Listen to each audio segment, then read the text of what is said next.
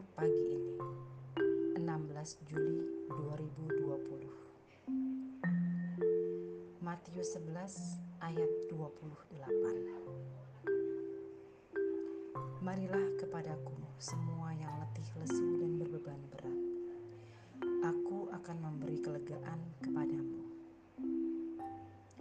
Saudara-saudari, sabda Tuhan hari ini mengajak kita untuk membawa segala beban hidup kita kepadanya bukan untuk dihilangkan tetapi untuk mendapatkan kelegaan.